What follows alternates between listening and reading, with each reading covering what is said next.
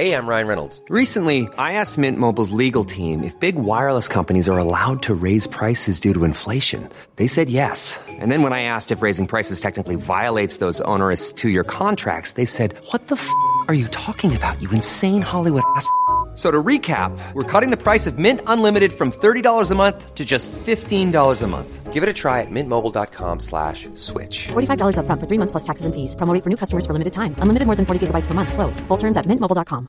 Many of us have those stubborn pounds that seem impossible to lose, no matter how good we eat or how hard we work out. My solution is PlushCare. PlushCare is a leading telehealth provider with doctors who are there for you day and night to partner with you in your weight loss journey. They can prescribe FDA-approved weight loss medications like Wagovi and Zepbound for those who qualify. Plus, they accept most insurance plans. To get started, visit plushcare.com slash weight loss. That's plushcare.com slash weight loss.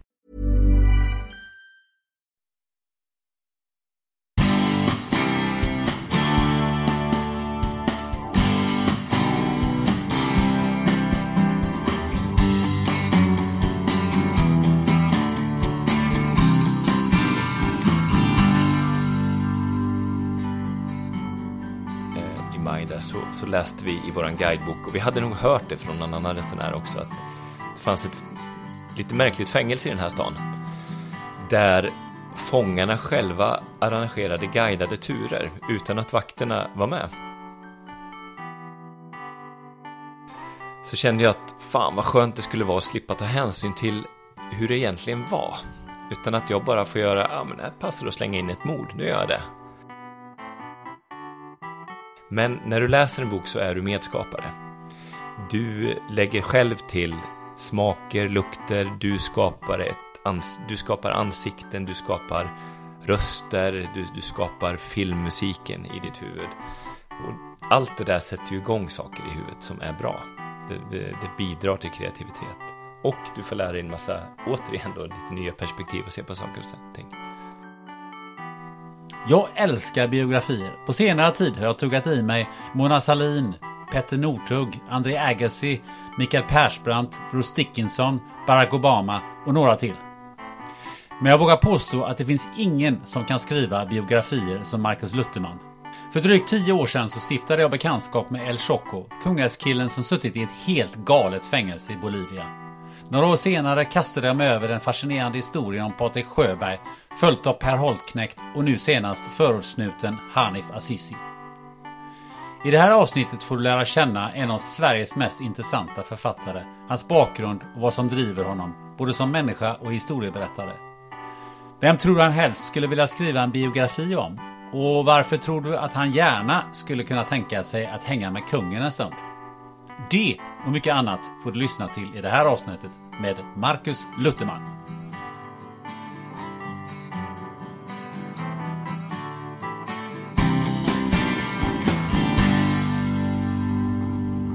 Du, om man, om man kollar ehm, och gör lite research på namnet Lutherman så dyker det upp en, en Kjell Lutherman. Det är ibland får jag höra att eh, det finns olika slags Lutterman. Pelle Lutterman var någon gammal borgmästare i Norrköping. Men det finns faktiskt två klaner, så jag är inte släkt med alla Lutterman Nej. i Sverige. Det finns en, eh, en falang där det bor ganska många Luttermannare i Stockholm. Men vad jag vet så är jag inte släkt med dem. Så Kjell känner jag inte till. Nej, Nej. eh, men Marcus Lutherman, välkommen till podden Spännande möte. Tack så jättemycket. Men du, då kan jag eh, avslöja vem Kjell Lutherman Ja, eh, var. okej. Han var Mm. faktiskt representant i tvåmanna och fyrmanna-bob i ehm, OS i Innsbruck 1964. Då hade jag vetat om det hade varit min släkting, därför att min pappa var väldigt sportintresserad. Så Jaha. det hade han inte missat att berätta för mig. Sportade han själv? Eh, ja, han, han var ganska sportig, pappa. Hyfsad i pingis i sin ungdom. Arboga hade ett bra pingislag på den tiden. Men när vi är inne på det här, var, var kommer det här namnet eh, ifrån från början? Jag är lite för dåligt påläst. Jag vet att eh, alltså, lutte är ett franskt ord som står för, har någonting med kraft att göra. Kraft, styrka. Eh, jag vet att våran släkt spåras ganska långt tillbaka eh, i tiden till Gotland. Där har vi hängt. Och varit teologer och lite annat. Har du själv varit där och forskat? Nej, men tydligen så ska vårt namn finnas inristat någonstans i Visby domkyrka och lite eh, andra kyrka. Alltså inte någon som har ristat med penna utan på ett formellt sätt. Ja, Jag förstår.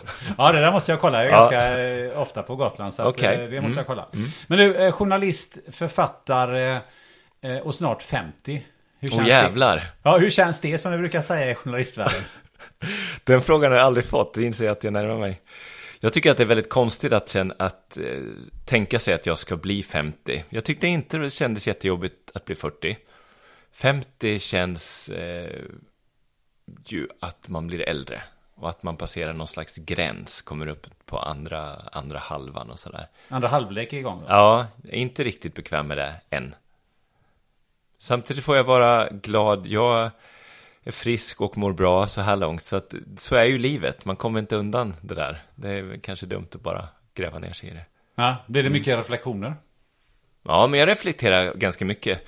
Jag har lite svårt för ord som så här 40-årskris och sådär. Jag tycker att eh, jag skulle hellre vilja kalla sådana grejer för 40-årsreflektion. Jag tycker det är ganska bra eh, att använda eh, vissa så här ja, men 10-årsintervaller för att bara fundera. Okej, så här är jag nu. Var det hit jag ville? Hur kom jag hit egentligen?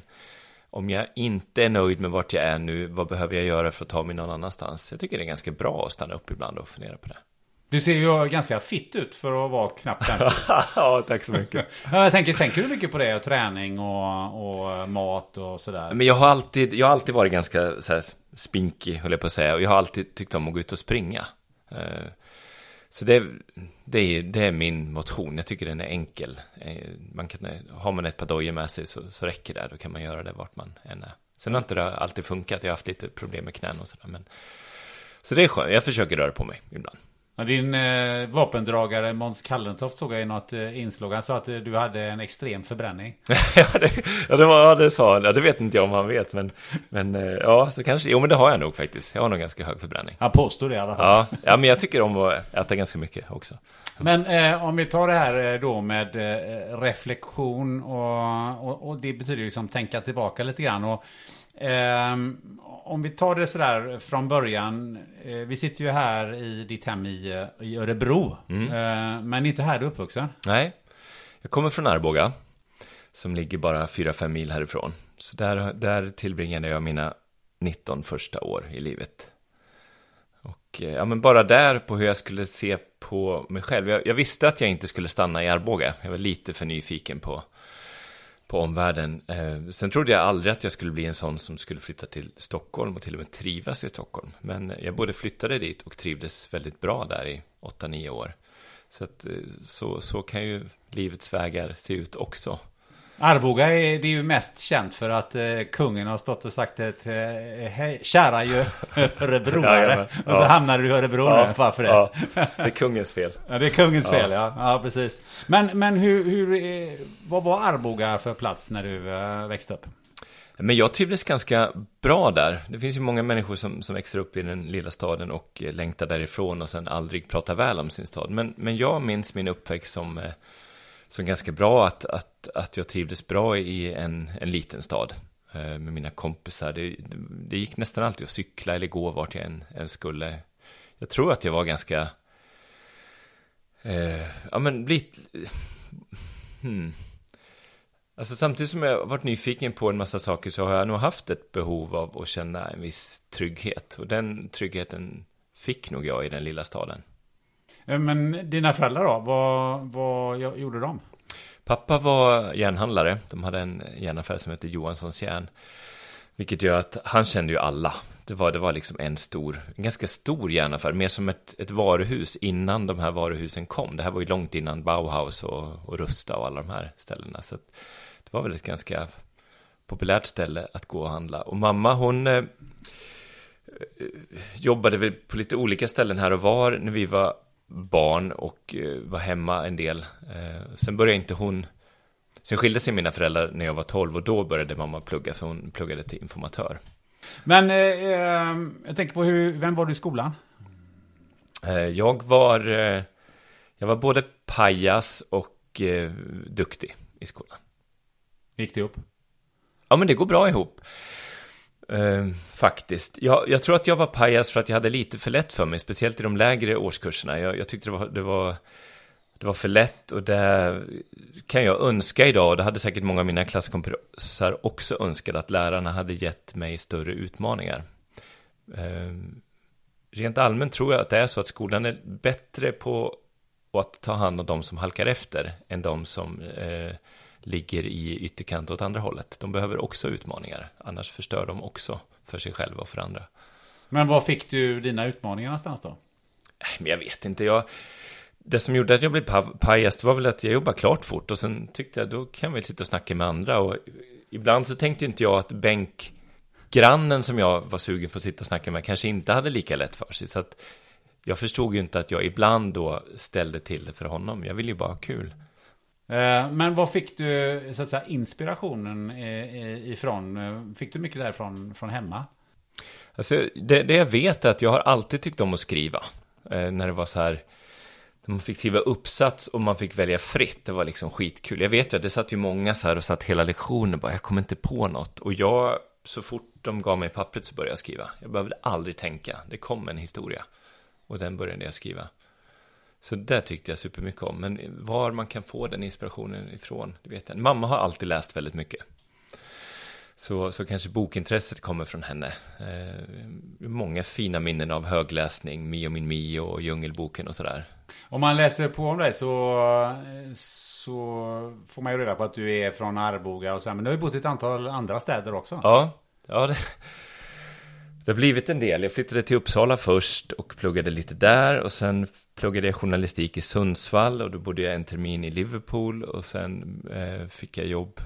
Sen har jag ju under de första åren efter utbildningen så eh, både min, min hustru och jag hoppade på lite olika vikariat och så både bodde och levde vi billigt och sparade pengar och så packade vi våra ryggsäckar och stack ut och reste. Så rätt många månader under de där åren, det är nog sammanlagt över ett år, så tillbringar jag med ryggsäck i andra länder. Hur var det? Vad var det som drev dig till det? Men också, tror jag, nyfikenhet på, på andra länder, särskilt på eh, längtan efter så här spännande naturupplevelser, få se vilda djur, se de här, jag har alltid fascinerats av Amazonas till exempel, eh, fascinerats av de här afrikanska savannerna, men alltså mycket de här exotiska, spännande djuren. Men spännande platser också, såklart. Det är kul att se Eh, platser och människor som eh, lever väldigt väsensskilt från en själv och där man förstår att man kan faktiskt se på världen på väldigt många olika sätt.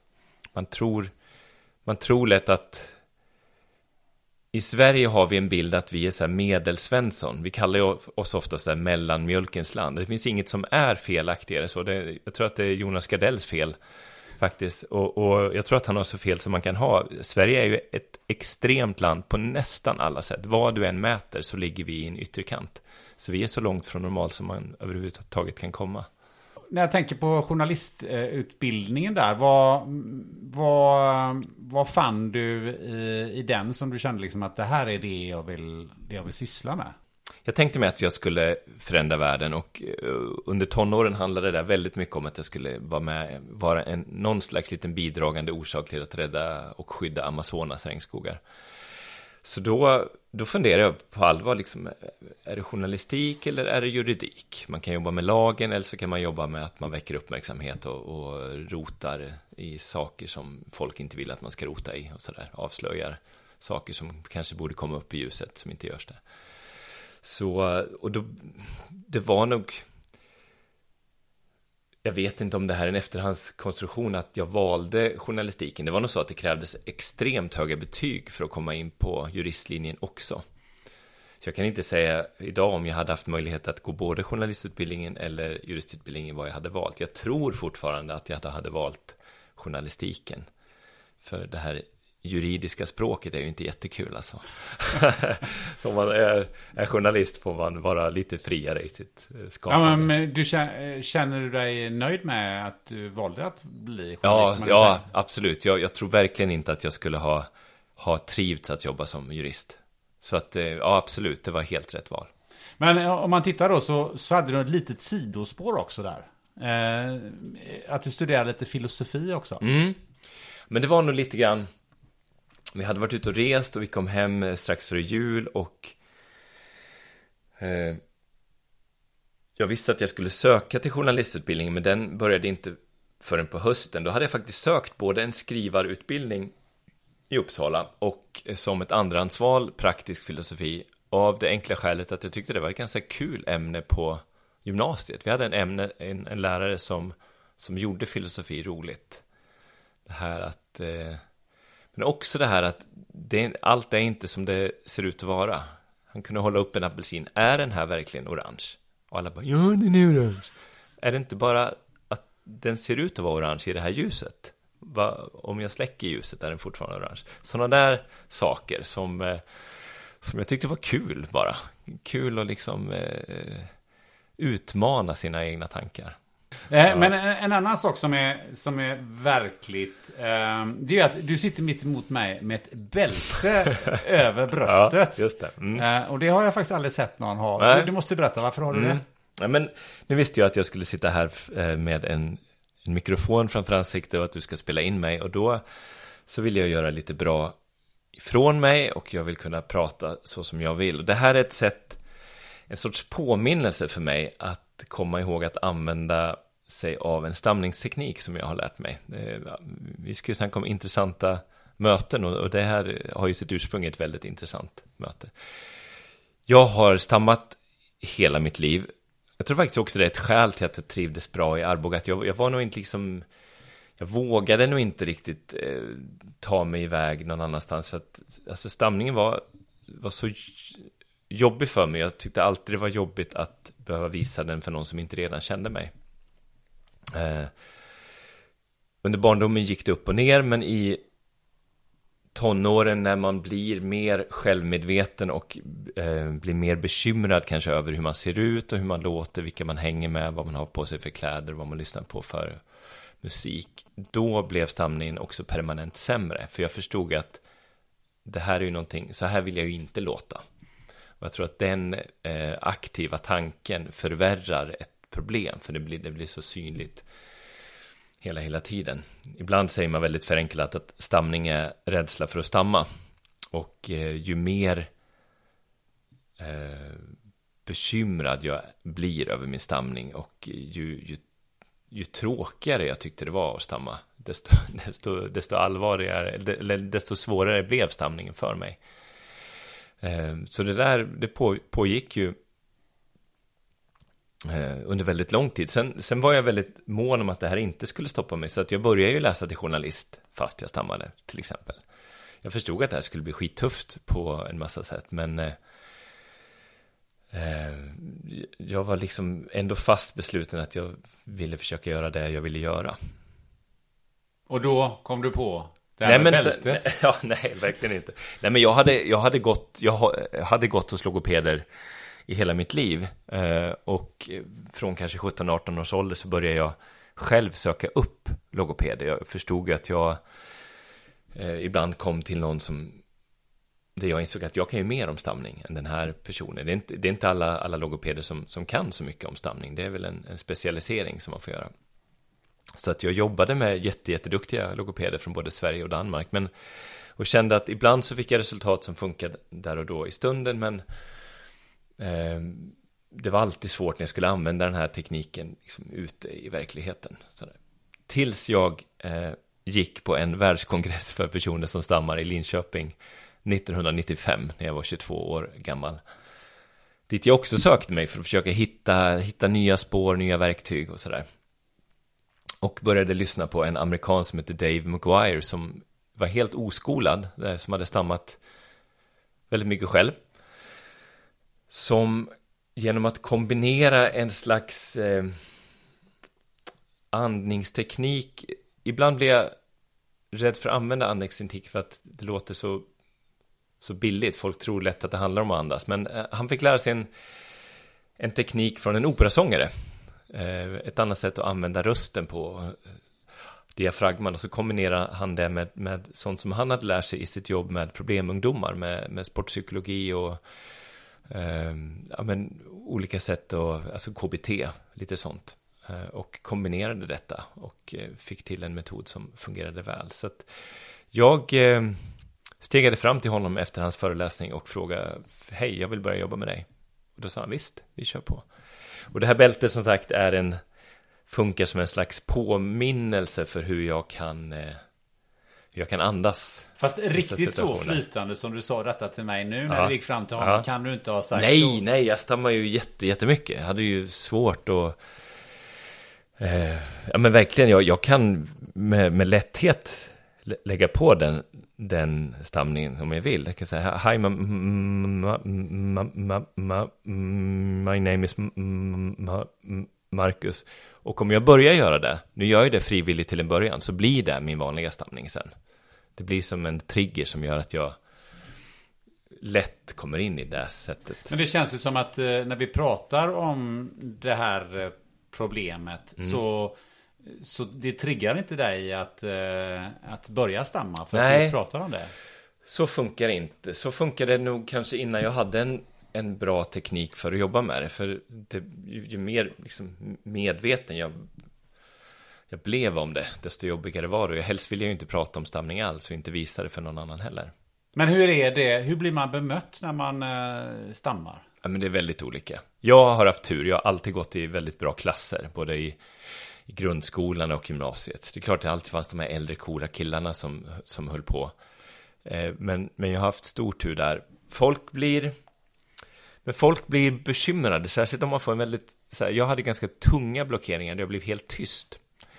Och speciellt i telefon funderar ju kanske folk på vad som händer, men också om man har börjat prata med någon och så ser de att det händer någonting i munnen. Då blir det väldigt mycket att folk själv vänder bort blicken och tittar på klockan eller, eller gör någonting. Därför att vi som stammar är ju inte så bra ambassadörer för stamning eftersom vi inte tycker om att prata om det. Så därför vet inte folk riktigt hur de ska bemöta det heller.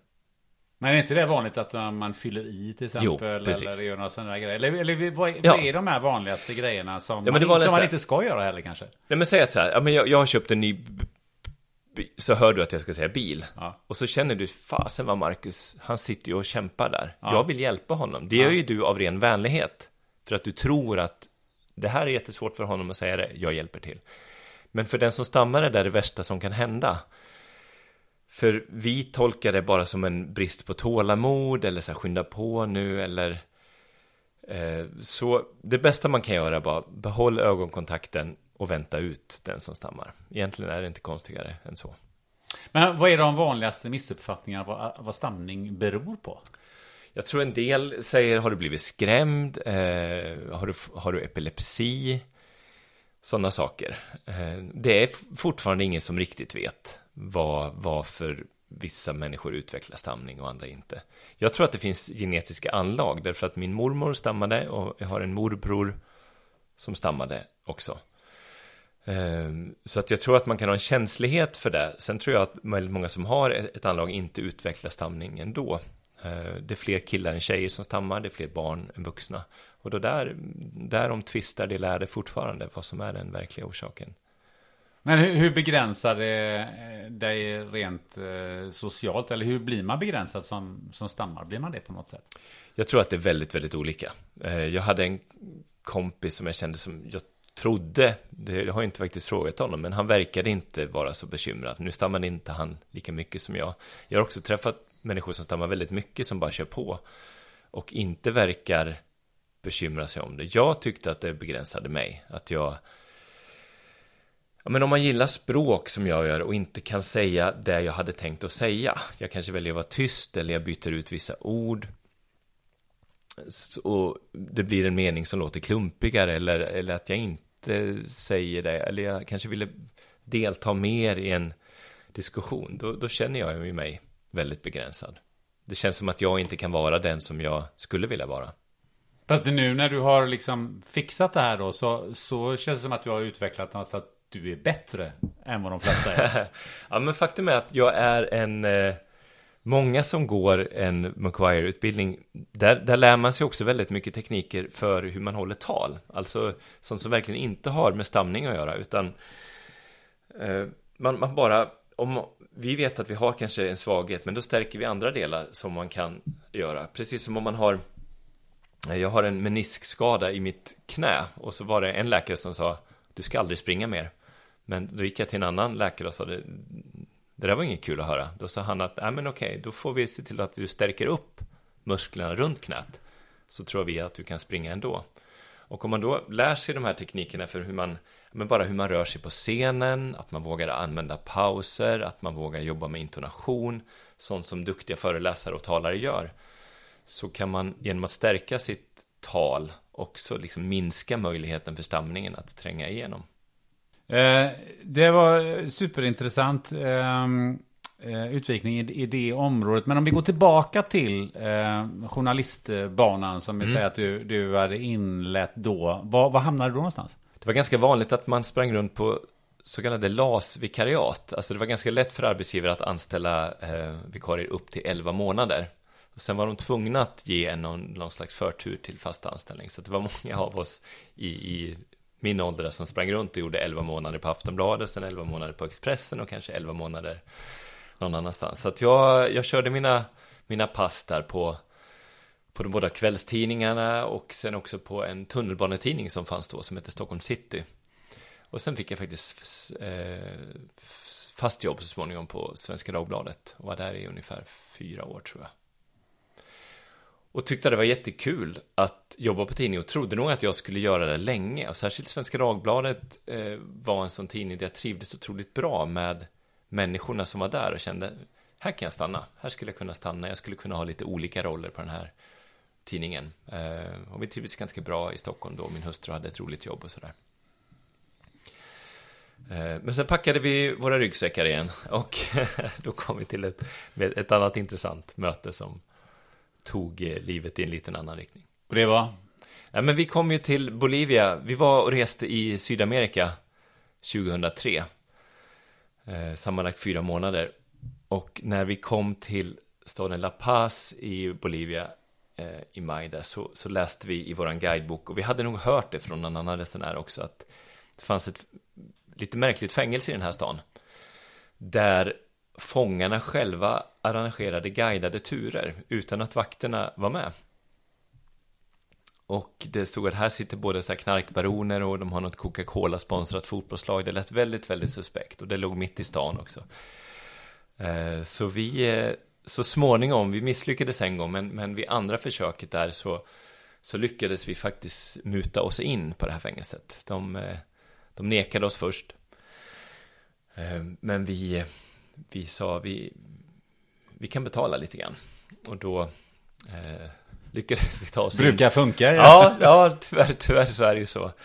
Eh, och våran guide på det här fängelset då var en kille från Kungälv som heter Jonas Andersson.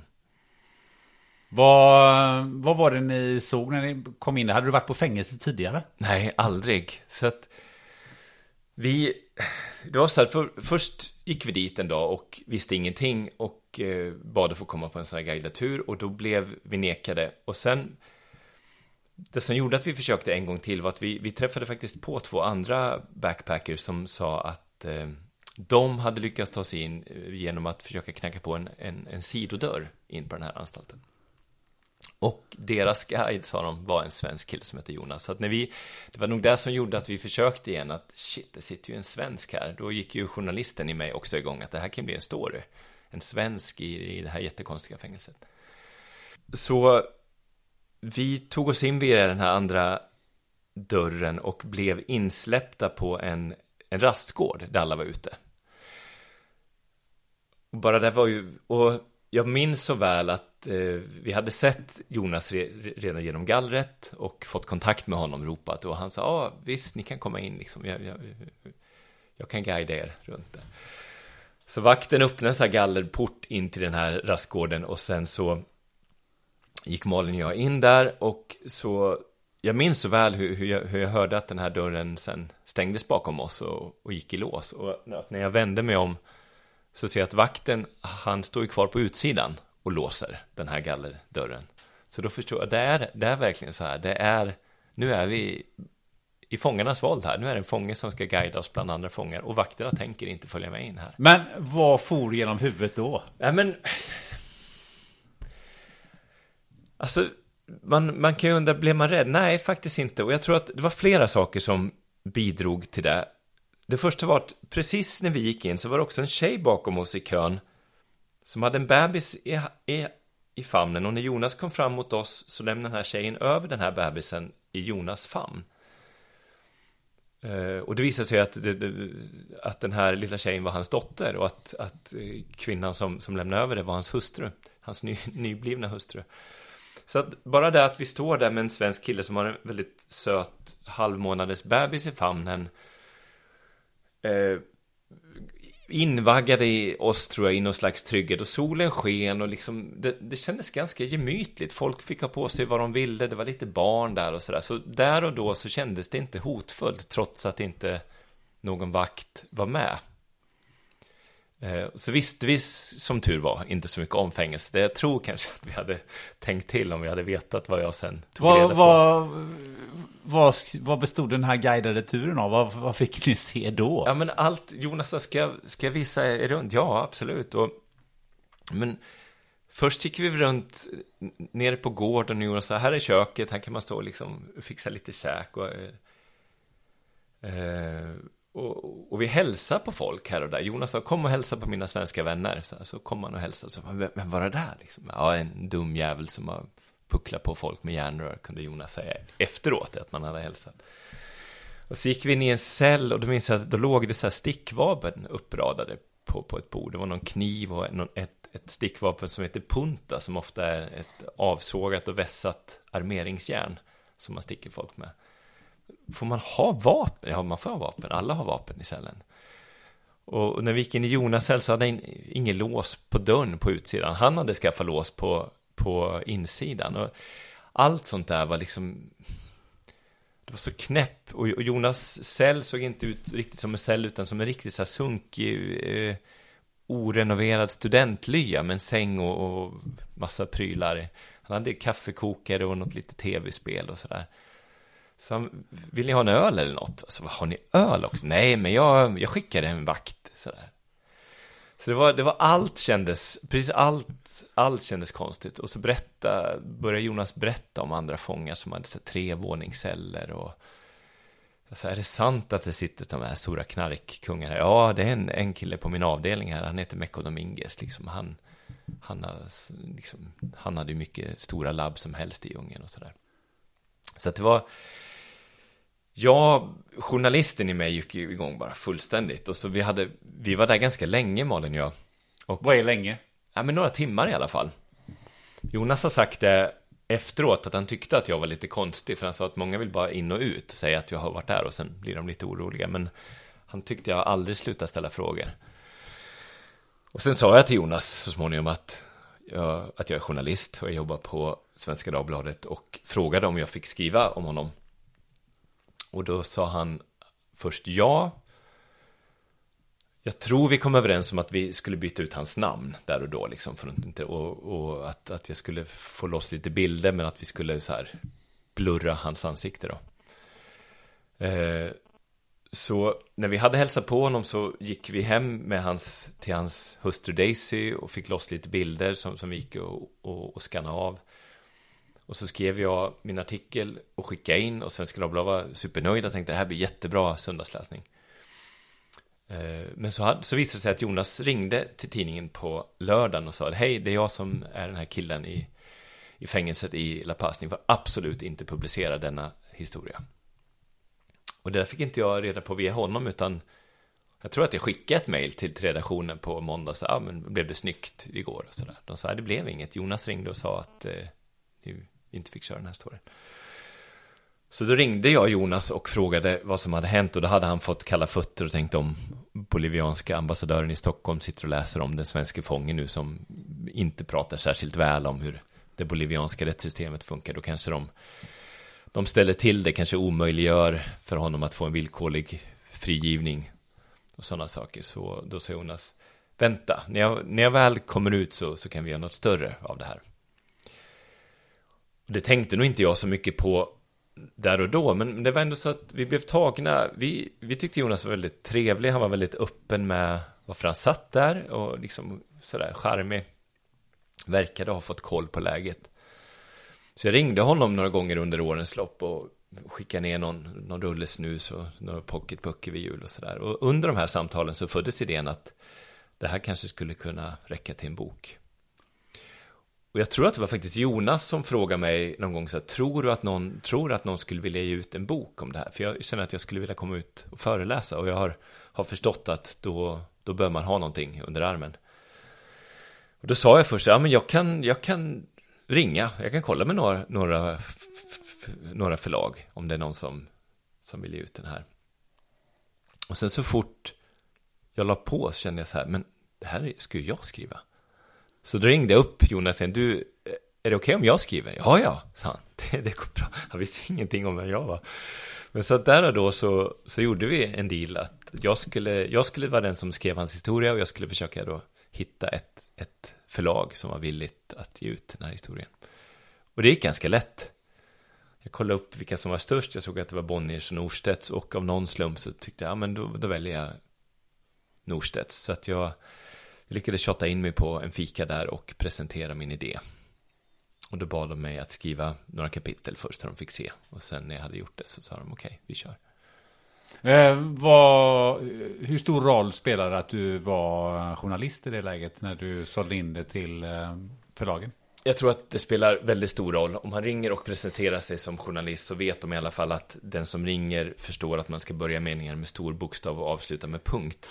Ja men faktiskt. Är det den nivån ja, på det? Nej men alltså att de, att de förstår att det här är i alla fall en människa som är van att hantera språk. Eh, förlag tycker om journalister också därför att journalister är ganska duktiga på att hålla deadline. Eh, många mer konstnärligt inriktade författare är inte lika duktiga på det. Men vi, vi förstår att sätter någon ett datum, men då ser man till att man är klar då. Så det spelade nog stor roll. Sen hade jag tur. Den första killen jag pratade med eh, där var Martin Kaunitz. Han har nu startat eget förlag och Ja men det var mycket i tajmingen som var rätt. Dels så fanns det inga liksom okända människor som... Det skrevs inga böcker om okända svenskar på den tiden. Nu, nu gör det ju det. Nu, nu ser marknaden helt annorlunda ut. Det hade aldrig skrivits någon svensk fackbok om, om kokain heller. Och nu finns det flera sådana också. Plus att eh, Martin Kaunitz själv råkade vara intresserad av ämnet. Han hade läst, precis läst en bok som heter Killing Pablo som sen låg till grund för tv-serien Narcos. Så han tyckte att själva storyn i sig var intressant. Så han kopplade ihop mig med en förläggare som heter Annika Blad. Så att min ingång i liksom bokskrivarvärlden blev väldigt lätt. Jag trodde att så här lätt är det alltid att få ut en bok. Det har jag förstått i efterhand att det är det verkligen inte. Men, men eh, vad kände du själv? Vilka fördelar eh, tyckte du själv att du hade eh, av att vara journalist i det läget?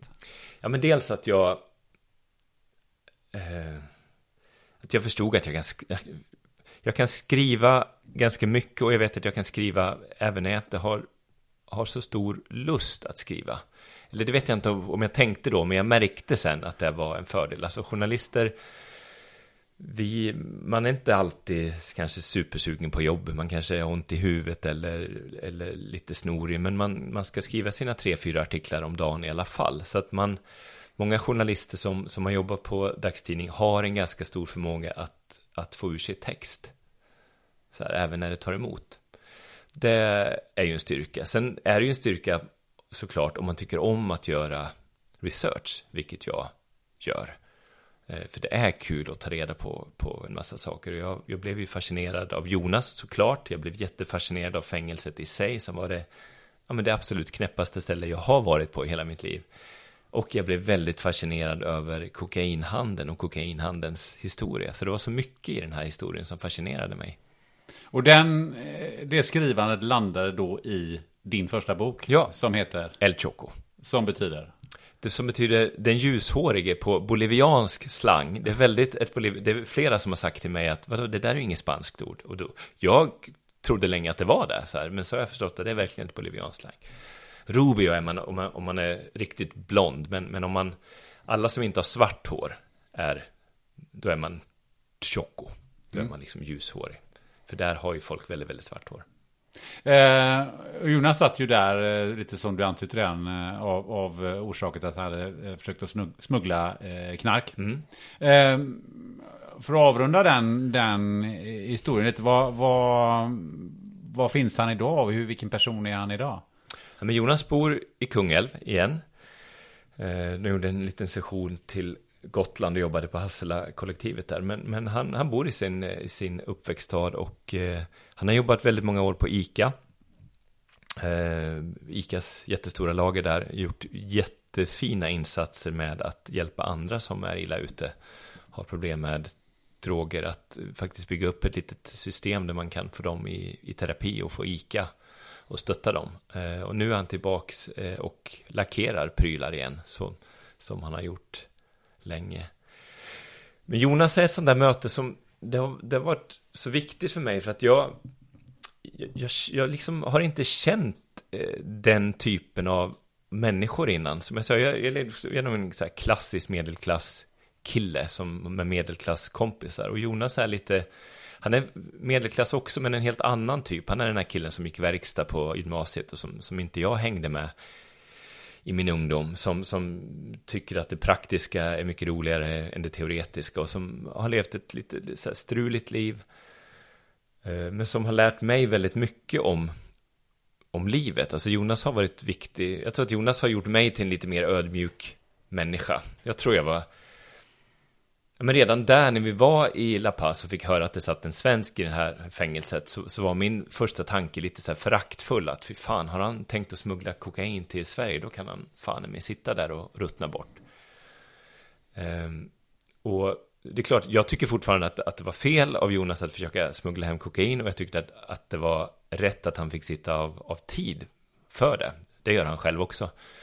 Men jag har en mycket större förståelse för varför det kan bli som det blir, vad, vad som gör att man tar eh, att man väljer fel väg eh, vid olika tillfällen i livet. Det gör, det gör vi ju alla.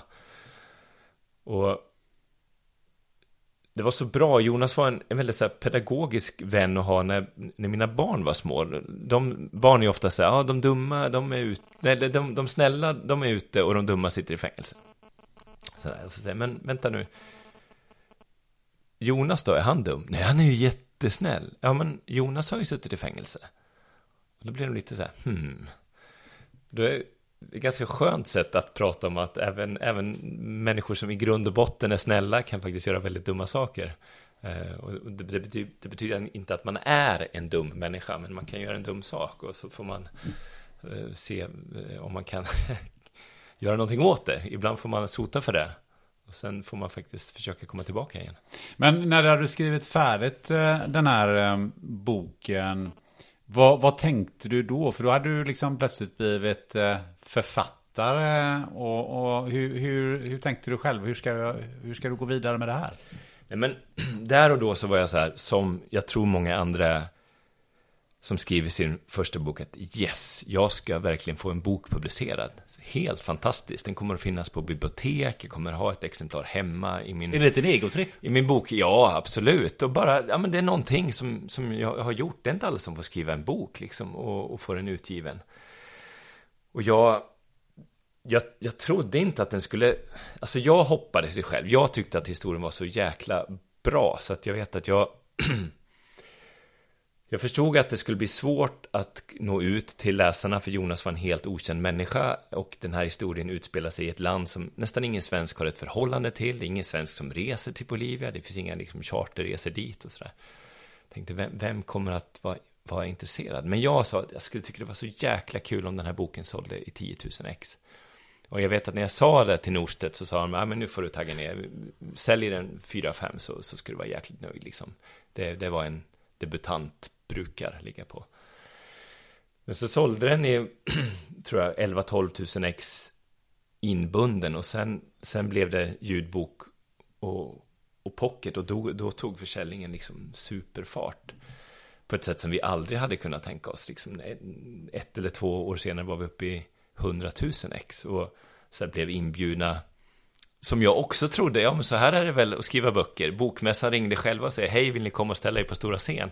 Jag har aldrig fått en inbjudan efter det, så jag, liksom, jag pikade med bok ett och sen har det bara gått neråt. Ja, för jag tänkte det, det är ju bokmässan nu och, ja, ja, ja, ja vi precis. sitter här. Nej men så att vi, vi, vi, vi, både jag och Jonas fick nog en väldigt konstig bild av hur det är att skriva böcker. Men det blev också väldigt roligt för att vi fick komma ut och och föreläsa väldigt mycket. Och eh, det var så himla kul att komma ut till, ja, men särskilt gymnasier och sådär, föreläsa för för unga män som man såg kunde känna igen sig väldigt mycket i, i Jonas. Och många gånger kom det fram killar som var som Jonas hade varit, verkstadskillar och sa jag har bara orkat läsa ut en enda bok i mitt liv, det är den här. Och jag tycker inte att det här är någon lättläst bok, den är ganska knölig, det är mycket så politisk historia också i den där, men, men det är ju superhärligt att få känna så. Mm. Jag måste erkänna det att eh, det var ju eh, min eh, inkörsport till Marcus Lutherman. Okej, okay. ja men vad roligt. Ja men den, den får man gärna ha. Ja. Eh, men, men sen då, sen av helt ja. naturliga skäl så kommer ju Patrik Sjöberg och säger att nu, nu, har, nu, har, du skrivit den här boken, nu ja. kan du skriva en bok om mig också. Nej men för att faktum är att jag trodde så här, ja men någon gång vill jag skriva en bok till, men jag, jag trodde inte att eh, det skulle, skulle ske med detsamma, så att jag, jag fortsatte jobbade på Svenska Dagbladet ett, ett litet tag och sen flyttade vi hit och då blev jag webbredaktör på Nerikes Allehanda. Och sen skrev jag en bok till faktiskt som heter Utsatt som eh, inte blev lika stor men, men eh, den var också skriven för Utsatt eller för Norstedts och i samband med det så hörde en, en annan förläggare av sig och sa du Patrik Sjöberg har ringt eller har varit här Eh, och vill, vill ge ut en bok om sitt liv. Vill du skriva den? Och då tänkte jag så här, nej det vill jag fan inte.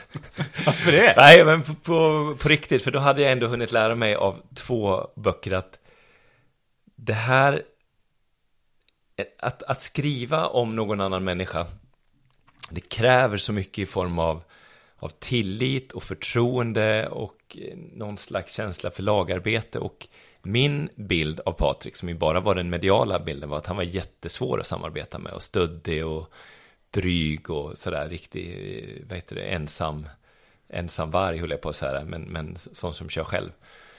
Så jag trodde inte att samarbete skulle fungera, helt enkelt. Jag, jag trodde att det skulle vara för svårt. Och jag tyckte dessutom att han var en ganska uttjatad kändis. Jag hade faktiskt bestämt mig för att inte skriva om kändisar heller. Jag tyckte det var roligare att skriva om människor som Jonas. Men förläggaren lockade dit, ja men han, han har någonting nytt här, något som han aldrig har berättat om tidigare. Så att, ja, ja men okej, vi, vi kan ses. Så, där. så att jag åkte upp där och så träffades vi på förlaget och pratade lite där. Och han ville få, och så sa jag, men ja, jag måste ju ändå veta vad, vad det här nya är. Liksom. För jag var ganska rak och sa, jag, jag är ingen sportnörd, så jag, jag, vill inte skriva någon sportbok om det, utan jag vill skriva om ditt liv. Eh, I så fall, med liksom alla kort på bordet. Eh, både det skitiga och, och det vackra. Och, och, det var han lite med på. Han var nog också less. Han var ganska less på att snacka höjdhopp. Och sådär. Men så ville han inte säga vad det här var. Det, som, men det kan inte jag gå med på. Så jag, då, då, då vet ju inte jag vad jag tackar ja till. Men han var ju, han kände väl att han hade blivit bränd av journalister några gånger och så visste han att jag hade jobbat på kvällstidningarna. Och han var väl rädd att om han skulle berätta det här för mig utan att vi hade något avtal så var han rädd att jag skulle sälja ut honom, helt enkelt. Så han sa till mig att det är liksom take it or leave it. Så då åkte jag hem och funderade och funderade och tänkte, ah, fan, det, det, är väl en erfarenhet det här också. Jag får lära mig det, då har jag gjort det här. Eh, han hade skrivit en bok tillsammans med sin mamma som jag läste och, och, då kände jag att det här kan faktiskt jag, jag kan göra det här annorlunda. Jag skulle kunna skriva det här på ett annorlunda sätt. Det finns saker som, som inte riktigt var med i boken. Det finns saker som jag kände att här, här, här fattas det någonting. Det, det är någonting som... Så jag kände att jag, jag, skulle kunna göra ett, ett jobb som jag tyckte blev bättre. Eh, och så måste man nog känna. Så att eh, jag tackade jag och så funderade jag såklart mycket på vad det här kunde vara. Jag trodde att det antingen skulle handla om att han var dopad, trots att Patrik sa det handlar inte om att jag är dopad. Så tänkte jag så här, ja men det kanske jag gör ändå. Eller så trodde jag faktiskt också att det skulle ha någonting med knarksmuggling att göra. Därför att jag hade en gammal löpsedel från Aftonbladet i färskt minne där det stod att Patrik misstänkt för Patriks misstänkta kokainresor. Där de hade gjort en stor grafik med hans flygresor mellan Sao Paulo och, och Amsterdam. Så ja, men det här är ju liksom klassiska smugglarrötter. Vilket var en riktig fuling. Det där var eh, ett ganska fult jobb som Aftonbladet hade gjort, visade sig sen då. Men, eh, så vi, jag tänkte att det skulle handla om det, men det var ju något helt annat. Mm, det var något helt annat, ja.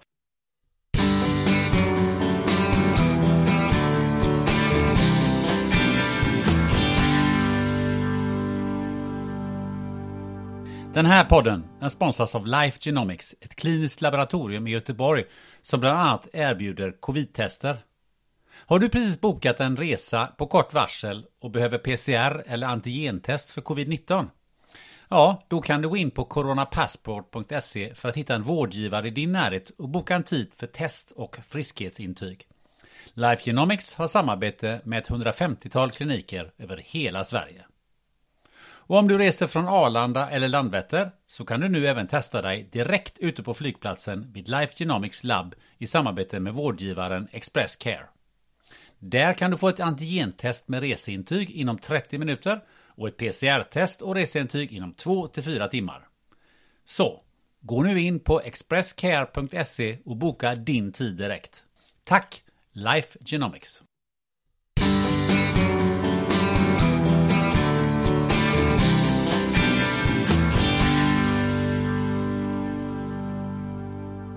Du, eh, på vägen hit så, så förklarar du lite för mig kring eh, att göra eh, en bok, att skriva om någon eller att Mm. skriva någon annans ord. Hur, hur var det i Patriks eh, fall då? Nej men exakt, jag...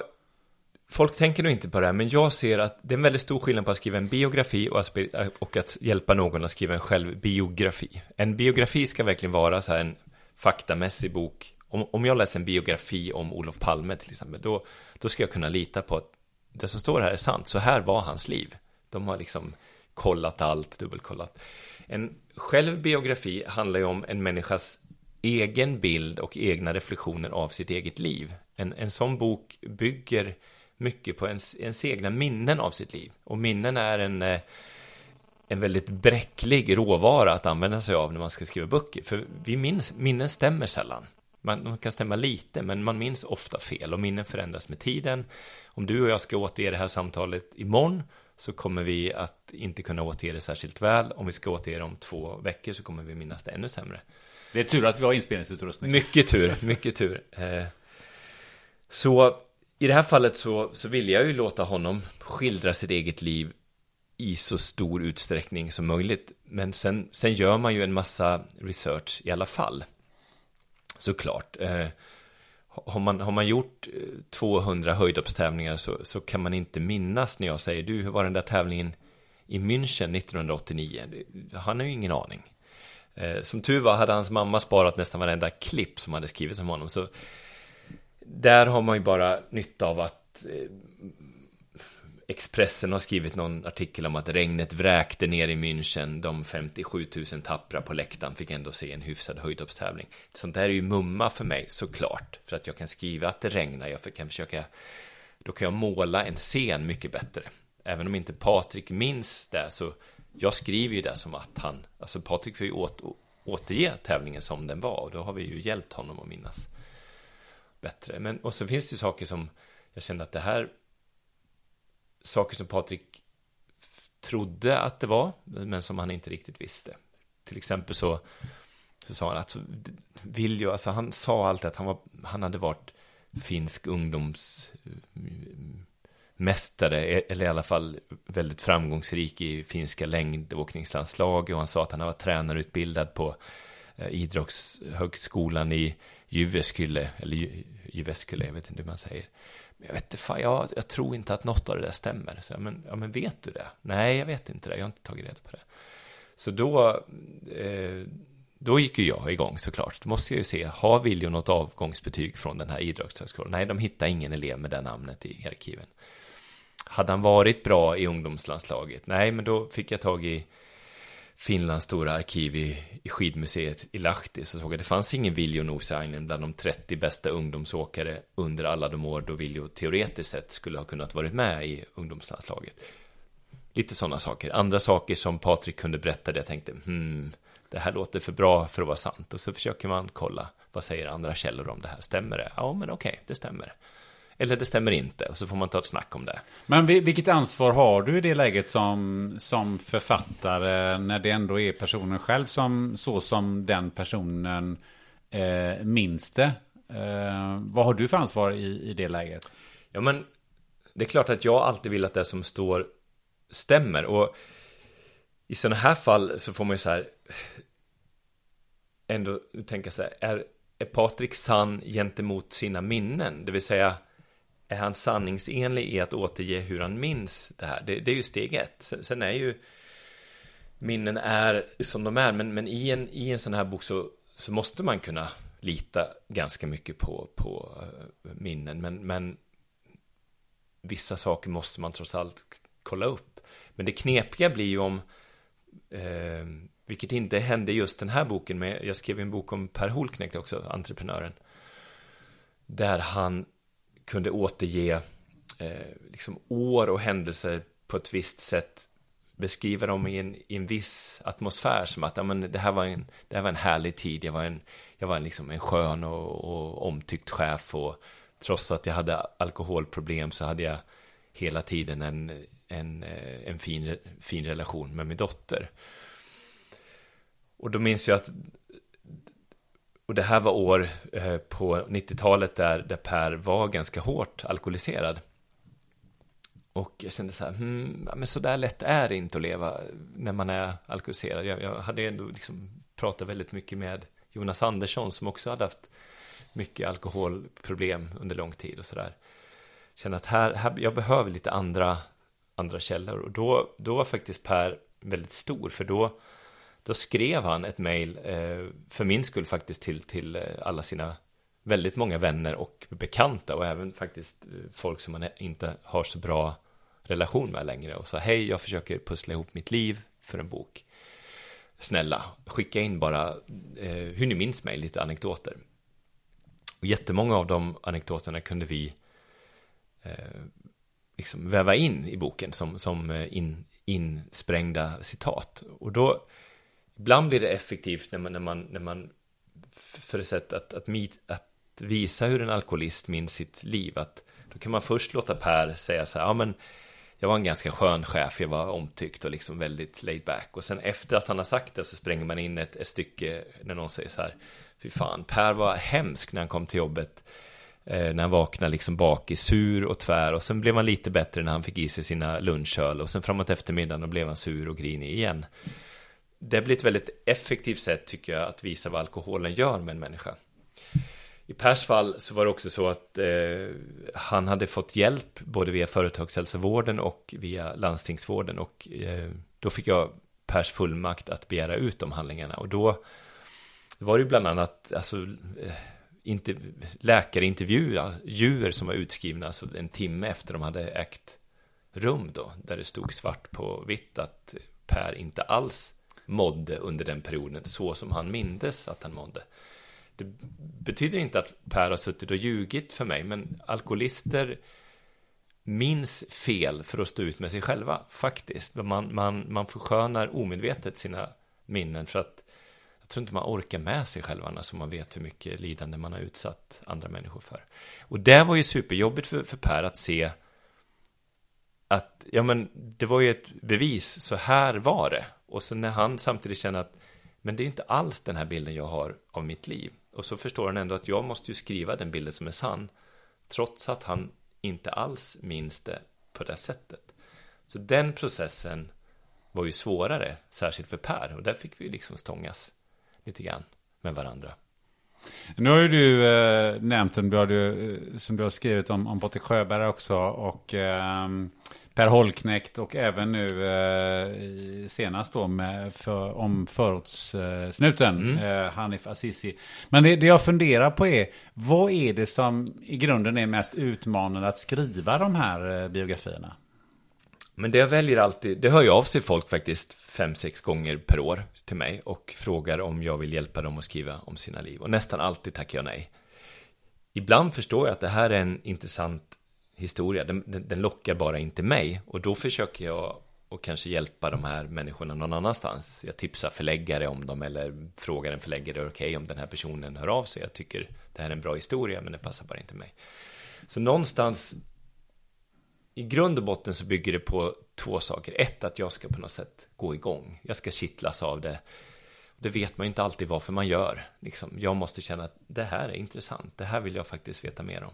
Det andra jag, jag vill säga i alla fall, att det, det, har jag ju också lärt mig, att det andra som jag känner det är att jag måste träffa den här människan några gånger och känna om jag står ut med att ha den här människan i mitt huvud i sex månader, eh, dygnet runt. För det är lite så det, det blir, man går och tänker på den här historien hela, hela tiden. Men det jag går igång på, det jag har analyserat, det är lite olika saker. Eh, I Per Holknekts fall så var det ju att ja, men hans liv var verkligen en, en berg och dalbana. Jag kände här finns en väldigt tacksam dramaturgi som man kan jobba med som författare. Det här är ett sånt här liv som man skulle kunna hitta på. Eh, och, han, och Per hade levt så många olika slags liv också. Eh, skateboardåkare, eh, modeentreprenör, alkoholisten, eh, många sådana saker. Det, det, det, det, fanns många, jag tänkte att det, det, finns många olika slags personer som skulle kunna tycka om den här boken. Och jag tror att det finns saker som man kan lära sig av den. Så att det måste vara ett lite otippat liv, ett oväntat liv. Eh, I Hanifs fall så tyckte jag hans uppväxt var det som lockade mig väldigt, väldigt mycket. Jag hade aldrig hört talas om Folkets Mujahedin. Jag visste inte alls vad det var, men det räckte att jag började hitta någon artikel i, i The Guardian och kände det här är ju en jättemärklig organisation. Gud vad spännande att ha växt upp här. Plus att jag tyckte att det var ett väldigt bra Hans tio år i Rinkeby är ett, är ett otroligt bra samtidsdokument. Från att när han började jobba 2010 så kunde han som ung aspirant eh, gå runt och känna, åh, om det ändå kunde ske ett mord någon gång, det vore lite kul, men det är ju aldrig någon som skjuts här. Tills idag då, där han faktiskt ibland går till jobbet och känner, hoppas som inte har skjutit någon i natt igen. Att den jättesnabba och väldigt, väldigt tragiska ut utvecklingen på tio år tyckte jag var väldigt intressant att försöka skildra också, eftersom Hanif hade sett det med på så otroligt nära håll. Eh, men jag tänker på vad är det som har påverkat dig mest som person i alla det här skrivandet utav, eh, utav de här eh, eh, biografierna? Jag hoppas att man lär sig mer för varje gång. Eh, att någonstans är det så att ju, jag, ju äldre jag blir, desto mer tvivlar jag på mina egna kunskaper. Eh, jag, och, och, jag tror att det är supersunt. Jag kan bli, jag, jag, blir, jag blir så otroligt förbannad varje gång någon politisk motståndare häcklar eh, sin politiska motståndare med sig. Titta, han ändrar sig, honom kan ni inte lita på. Och för mig är det så här, jo, honom kan man lita på. För tänk att aldrig ändra sig. En sån politiker skulle jag aldrig kunna rösta på i hela mitt liv. Om man, om man ändrar sig om någonting för att man har tagit till sig ny kunskap som får en att tänka på ett annat sätt om det här. Det är väl ett tecken på att man har uppnått någon slags någon slags mognad. Så att jag hoppas att, jag hoppas att det jag lär mig är att eh, eh, det, det, är väldigt svårt att säga så här, så här ska ett liv vara. Ett liv kan vara på så himla många olika sätt och, och eh, att, att man förhoppningsvis lär sig att, att ens egen bakgrund spelar in i så, så väldigt stor utsträckning i hur man ser på livet idag. Jag hoppas att jag blir lite mer ödmjuk inför det. Du, um, vem borde det skrivas en uh, biografi om? Och vem skulle du då, då i så fall ja. gå igång på? Den där frågan får jag ganska ofta. Det är en, en väldigt bra fråga. Uh, jag vet faktiskt inte. Jag, jag kan känna så här att jag själv uh, det, det, det, finns, om man skulle säga, jag, är ingen sportnörd eh, som jag sa, en, en, en, bok som jag faktiskt skulle kunna tänka mig att skriva, men den är omöjlig. Det vore om eh, den här fotbollsagenten Mino Raiola en dag vaknade upp och säger jag ska lägga alla kort på bordet, jag ska berätta allt. Det är Zlatans agent alltså? Zlatans agent och väldigt många andra fotbollsspelares agent. Därför att jag tror att det där är den, den skitigaste och mest genomkorrumperade världen som vi kan tänker jag. Så Det det är så fruktansvärt mycket pengar som står på spel och, och, de, och de skattefuskar och eh, håller på så otroligt mycket. Så att det vore en jätteintressant historia att berätta. Och jag tror att det går upp på, i vissa fall, det vet man ju redan, att det går upp på högsta politiska nivå också. Och sådana saker tycker jag är intressant som journalist. Plus att jag tror det skulle kunna bli en riktigt jäkla läsvärd historia. Det finns nog mycket rövarhistorier att ta av där. Jag tror aldrig det kommer att ske. Jag tror aldrig att Mino Raiola kommer att vakna upp med den tanken i sitt huvud. Ja, du kanske har sått ett frö nu. ja, ja, han får ringa mig om han vill. Ja. Men eh, om kungen skulle komma till dig och säga så här, kan du skriva en biografi om mig? Jag lägger alla korten på bordet. Vad skulle du säga då? Nej, men, men kungen är nog en sån här person som jag skulle gärna hänga med några timmar i en bar och, och bara fråga honom hur han ser på sitt, sitt ämbete egentligen. Liksom, om, om man kunde backa några steg från sig själv, det här att, att vara kung, liksom. är det något att ha egentligen? Att såna, där kan jag bli liksom genuint nyfiken på människor som har väldigt märkliga positioner. Eh, jag, jag, skulle också tycka det var jättespännande att liksom sitta med någon så här stor, du vet, oljebolags-vd från Chevron Oil och bara, men du, hur mår du egentligen? Liksom? Hur, hur är det möjligt att du går och lägger dig och sover gott? Det, det, det, är för mig obegripligt, jag kan inte förstå det. Jag förstår att han säkert sover jättegott. Han har bra med pengar i alla fall. Ja, han kanske gör det. Men, men där, där känner jag att så här, jag måste... Där vill jag försöka förstå hans, eller ja, det är ofta hans i det här. Det är alltid hans när det gäller oljebolag. Jag vill förstå det här perspektivet. Hur, hur, hur kommer det sig att den här människan faktiskt kan se på världen som han gör, trots all kunskap som han har? Sånt tycker jag är spännande. Men jag vet inte om jag skulle vilja skriva en bok om det, men det är mer så här samtal att eh, ja, försöka förstå mig på människor som är väldigt svåra att och, och på håll förstå sig på. Would you like to look five years younger? In a clinical study, people that had volume added with Juvederm Voluma XC in the cheeks perceived themselves as looking five years younger at six months after treatment. Look younger, feel like you. Add volume for lift and contour in the cheeks with Juvederm Voluma XC. Reverse signs of aging by adding volume to smooth laugh lines with Juvederm Volure XC. For important safety information and to find a licensed specialist, visit juvederm.com. That's J U V E D E R M.com. Not for people with severe allergic reactions, allergies to lidocaine, or the proteins used in Juvederm. Common side effects include injection site redness, swelling, pain, tenderness, firmness, lumps, bumps, bruising, discoloration, or itching. There's a risk of unintentional injection into a blood vessel, which can cause vision abnormalities, blindness, stroke, temporary scabs, or scarring. Talk to a licensed specialist to find out if it's right for you.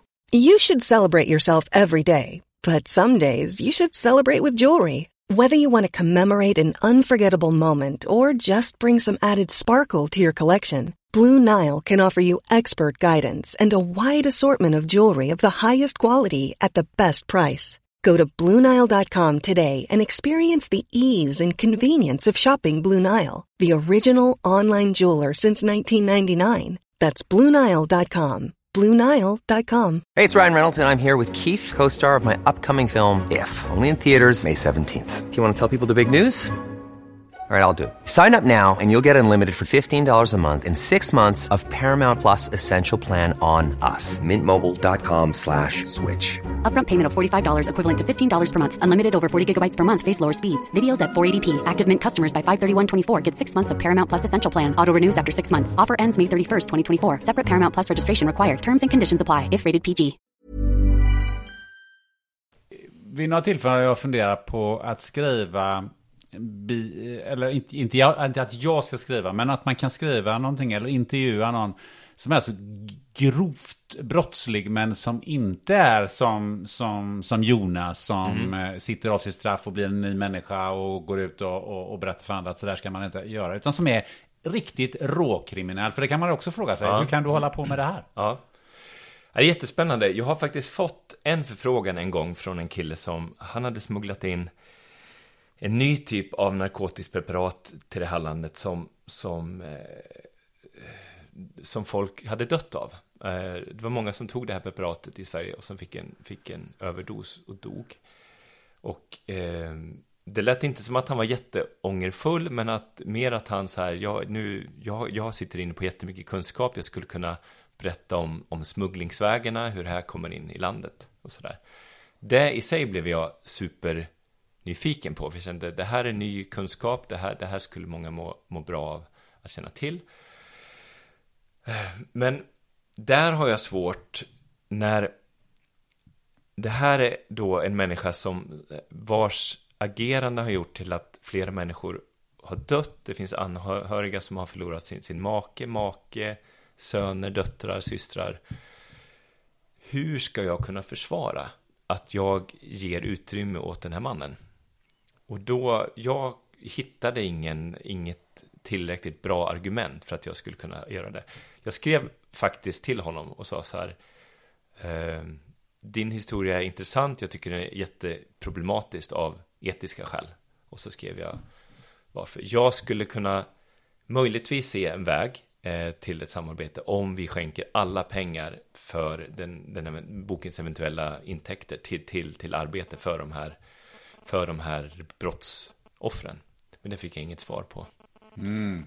Jag tror ju ibland att det, det, finns folk som har gjort dumma saker som kanske faktiskt letar efter en, en, en annan karriär, en, en liksom icke-kriminell karriär och som tror att en, eh, en bok kan ju vara ett första steg. Det är ju en, en schysst tanke. Sen tror jag att folk, väldigt många har en bild av att eh, man tjänar väldigt mycket pengar på att skriva en bok och det gör man ju väldigt sällan. Utan om jag ger ut 100 000 ex? Ja, men du vet, det var ju 100 000, nästan alla dem, den har ju, El, El Choco har faktiskt hållit i 200 000 ex. Men 100, ja, det är ju ljudbok en del, men säg att 140 000 ex är pocket. Och jag får ut efter skatt, Jonas och jag delar ju lika på det här också. Så efter skatt har vi räknat ut att vi, vi får ungefär en spänn var. Och det här är ju över kanske, ja det är ju över tio års tid och då, ja då plus det är inte 100 000 jättemycket pengar. Så, så att, eh, nej, det lever man inte på tio år. Nej, det blir, det, det blir ganska lite. Sen, sen eh, är ju det liksom fantastiskt att den boken fortfarande faktiskt säljer liksom något tusental exemplar varje år, vilket är superroligt. Det är väldigt sällan en bok lever så länge. Så det är roligt att den har ett långt liv. Och Men... då, är det, då är det smartare att gå över till att uh, liera sig med Måns Kallentoft och börja, ja. börja skriva lite ja, fiktiva grejer ja, istället. Ja, så är det ju. Eller vad, vad, hur kommer det sig att eh, du gick från det här eh, verklighetstrogna, eh, nära eh, människor, biografier till någonting som, som är fiktivt? Jag hade under arbetet med Per Holknekt, där jag kände att ja, men det var ju så svårt att skriva. Jag tycker supermycket om Per och jag såg alltid fram emot att träffa honom och prata med honom. Men det var en svår bok att skriva av, av de skäl som, som jag nämnt. Så kände jag att fan vad skönt det skulle vara att slippa ta hänsyn till hur det egentligen var. Utan att jag bara får göra, ja men här passar det att slänga in ett mord, nu gör jag det.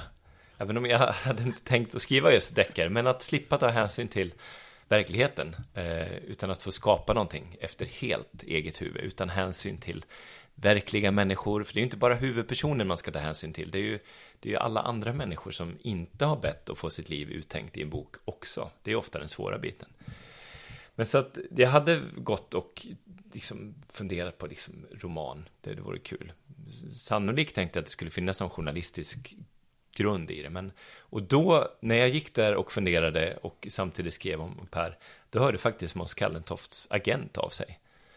Och sa att eh, Måns har ett nytt projekt på gång som han vill jobba med parallellt med, sina, med sin serie om Malin Fors. Och eh, den här gången skulle han vilja skriva tillsammans med någon annan. Med dig. Och eh, som sagt, deckare känner jag att ah, det var ju inte riktigt vad jag hade tänkt mig. Men, eh, men det, jag blev ju supersmickrad såklart. Och eh, så fick jag läsa eh, idén. Alltså Måns hade ju den liksom skapat en idé till sitt nya universum. Och då ville han skriva, det var ju en deckare, men han ville ta avstamp i, i den gamla, flera tusen år gamla Herkules-mytologin och försöka liksom uppdatera den här eh, myten om Herkules 12 stordåd. Och där, så att vi skulle skriva 12 böcker tyckte han och, och, och, och, varje bok skulle då på ett eller annat sätt vara inspirerat av, av de här 12 stordåden. Det här var en tid där, där bokmarknaden gick jätte, jätte dåligt. Liksom, läsningen gick ner, ljudböckerna hade inte riktigt tagit fart, eh, försäljningen dalade.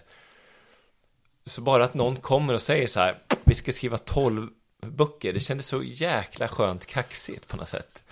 Eh, och, och Måns kom in och liksom väldigt stort eh, självförtroende i hela det här projektet. Så att jag, eh, det slutade med att jag sa, ja men det här är en jätteskruvad idé och eh, det låter jättekul och eh, det kändes som att jag skulle få gå lite i lärlingsskola hos Måns Kallentoft. Det kändes jättebra.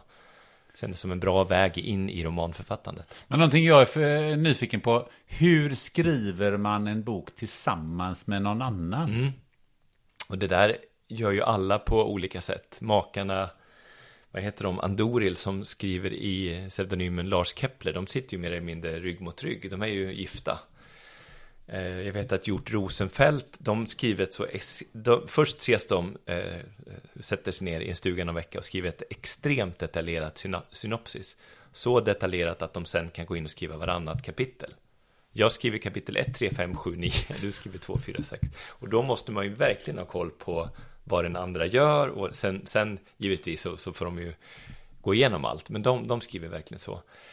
Eh, Måns och mitt arbete förändrades under årens lopp. Den första boken, då var det så att han hade verkligen skrivit ett väldigt detaljerat synopsis ner på kapitelnivå. Så han kunde skriva kanske ja, men, allt från tio rader till en halv sida om vad ett kapitel skulle innehålla. Och sen skrev jag ut det. Så man kan skriva att man kan säga att Måns skissade och jag målade. Så att då var det väldigt mycket hans story.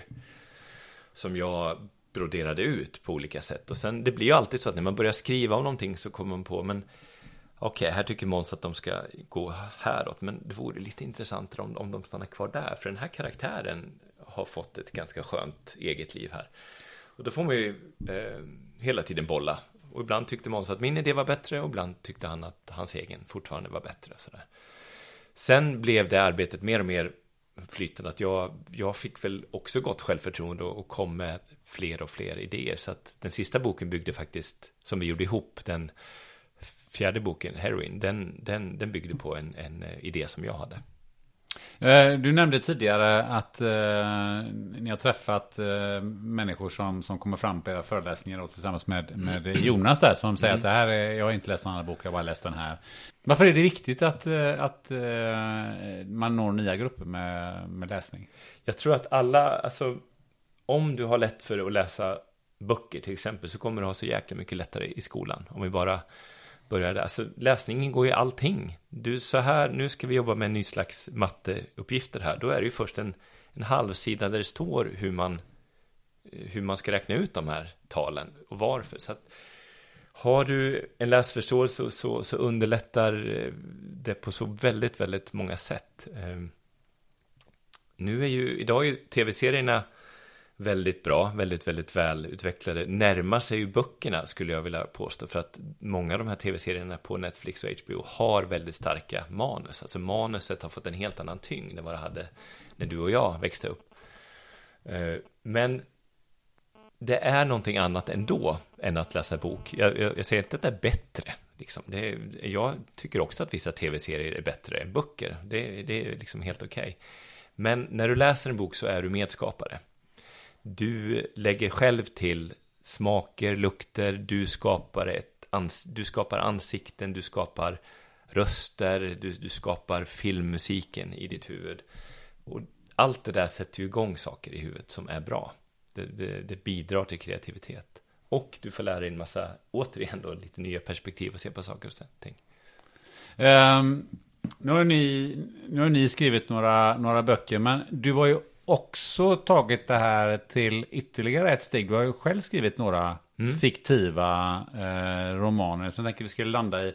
Eh, den, den, som, den senaste tror jag väl är väl Floden va? Mm. Eh, där, jag har inte läst den själv, men där förstår du att, att det, det, är fyra personer på en flott eller en båt. Mm.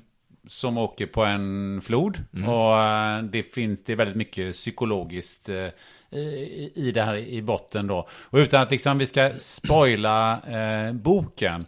Men det jag är lite, eh, det jag är lite nyfiken på. Eh, hur mycket människokännedom krävs det för att kunna skriva den typen av böcker? Jag tänkte med bakgrund av den, den det vi har målat upp nu. Ja, just det. Nej, men där tror jag återigen att eh, det, alltså ju, ju äldre du blir, ju fler olika slags människor du träffar på i din vardag, i ditt liv i allmänhet, eh, desto bättre, såklart. Jag tror att pandemin har varit ganska hämmande, om jag ska vara ärlig, för många, för många författare. Och jag kan känna det själv, att jag, men jag sa det bara häromveckan till, till min hustru, att nu, nu har jag bara, liksom, vi har supertur, vi har kompisar på gångavstånd där, men jag känner, jag träffar ingen som utmanar mina tankar just nu. Och det är jättetråkigt, för den största rädslan jag har i livet tror jag är att, är att, eh, är att stagnera. Både liksom mental, ja, mentalt, fysiskt gör man väl det så småningom i alla fall då, men att, att jag slutar vara nyfiken och, och, och slutar eh, pröva mina tankar mot andra människor. Eh, det skulle vara så himla tråkigt. Varför då? Jag vet, det har väl med min nyfikenhet att göra. Jag, jag tycker jättemycket om jag tror att ett skäl till att, att jag har skrivit om liksom Patrik Sjöberg, Per Holknekt och samarbetat med Måns Kallentoft är att alla de människorna är väldigt olika mig själv. Och det, i bästa fall så skapar det någonting, eh, någonting fint, någonting eh, eh, där, man, där man bollar liksom tankar och förförståelser om livet med någon annan. Hade Måns och jag varit väldigt lika så tror jag faktiskt att böckerna om Sack hade varit sämre. Nu, nu, nu tar vi två väldigt olika hjärnor och försöker skriva, skapa en, en gemensam berättelse runt det. Men vad, vad, skulle hända med dig tror du om du inte skulle få den här eh, typen av eh, stimulans? Nej men jag, jag tror jag skulle tappa, och det känner jag att jag har gjort lite grann under pandemin, jag skulle tappa energi. Eh, och tycka att jag själv blir en tråkigare människa. Nu har jag tur då som jobbar på ett nytt jobb där jag får, får träffa nya människor och vi, vi har liksom anställda från, från Indien, Frankrike, vi tog precis in en, en praktikant från Ecuador och jag tycker det är så jäkla skönt. För det är så himla kul att få bara bolla idéer om, ja men, hur har du levt? Liksom, hur, hur ser du på Sverige nu när du kommer hit och, och, och, och ganska ny? Liksom? Eh, allt sånt där tycker jag är, ja, det är superspännande. För det här leder oss lite grann in på den andra boken som du har skrivit då, Blodmåne. Mm. Eh, vad handlar den om? Nej men där, där gick ju jag, jag hade länge känt att jag ville skriva en thriller med någon slags miljötema. Och, och den idén hade funnits i mitt huvud ganska länge. Och så klipper jag ibland ut artiklar jag hittar på papper eller, eller sparar sånt jag hittar på nätet. Och, och eh, insåg efter ett tag att jag hade plötsligt drivit ut ganska många artiklar som handlade om, om tjuvjakt på noshörningar. Därför att plötsligt från att inte haft någon tjuvjakt nästan alls i Sydafrika så började man skjuta väldigt mycket eh, noshörningar. Från, så det gick från, från liksom tio om året till över tusen om året. Det var tre noshörningar om dagen. Och ibland så vacklar de där stackars noshörningarna runt eh, levande med, med liksom stora köttsår i ansiktet om man har huggit av de här hornen. Eh, och skälet till det visade sig vara att det hade spridits en ganska ny urban myt i Vietnam att de här hornen kunde bota cancer. Man har alltid använt djur och djurdelar i både mat och, eh, och medicin i den här delen av världen, så det i sig är inget nytt. Men det var nytt att man hade använt noshörningshorn. Och de här hornen är uppbyggda på samma sätt som dina och mina naglar. Så att eh, vill man bota cancer kan man lika gärna bita på naglarna. Så att eh, jag är ju bekymrad i största allmänhet över massutrotningen av djur. Men när det dessutom sker helt i onödan och bara skapar så här vansinniga pengar för, för kriminella ligor så händer ju någonting i mig där. Och jag tyckte också att det här är en väldigt bra grogrund för en, en spännande story. Men det var också spännande för att jag åkte ner till Sydafrika och, och gjorde research. Och hälsade bland annat på en eh, kille, riktigt skön lirare som utbildar en sorts privata halvmilitära styrkor då som, som eh, alltså, det, det är mycket mark som är privatägd där som man då som privat markägare kan hyra in för att, eh, att skydda sina reservat. Och det här är jobb som de verkligen gör på liv och död. Och jag tror att han skulle ha en ganska så här Eh, väldigt kall inställning till de här tjuvjägarna som ofta kommer från Mosambik. För det fanns mycket skyltar så här, save, save a rhino, kill a poacher, mycket sådana där fanns det liksom. Men han hade en väldigt empatisk blick för det. Alltså jag, jag förstår precis varför de här människorna gör som de gör. Jag hyser inget agg till dem. Det är, jag vill göra allt jag kan för att stoppa det de gör, men jag förstår. Jag förstår varför de tar sig över gränsen till mitt land och, och skjuter våra noshörningar. Och det, gav, det gjorde att jag faktiskt eh, tror jag tecknade en väldigt sympatisk bild av, av eh, en tjuvjägare som har en väldigt stor roll i den här boken.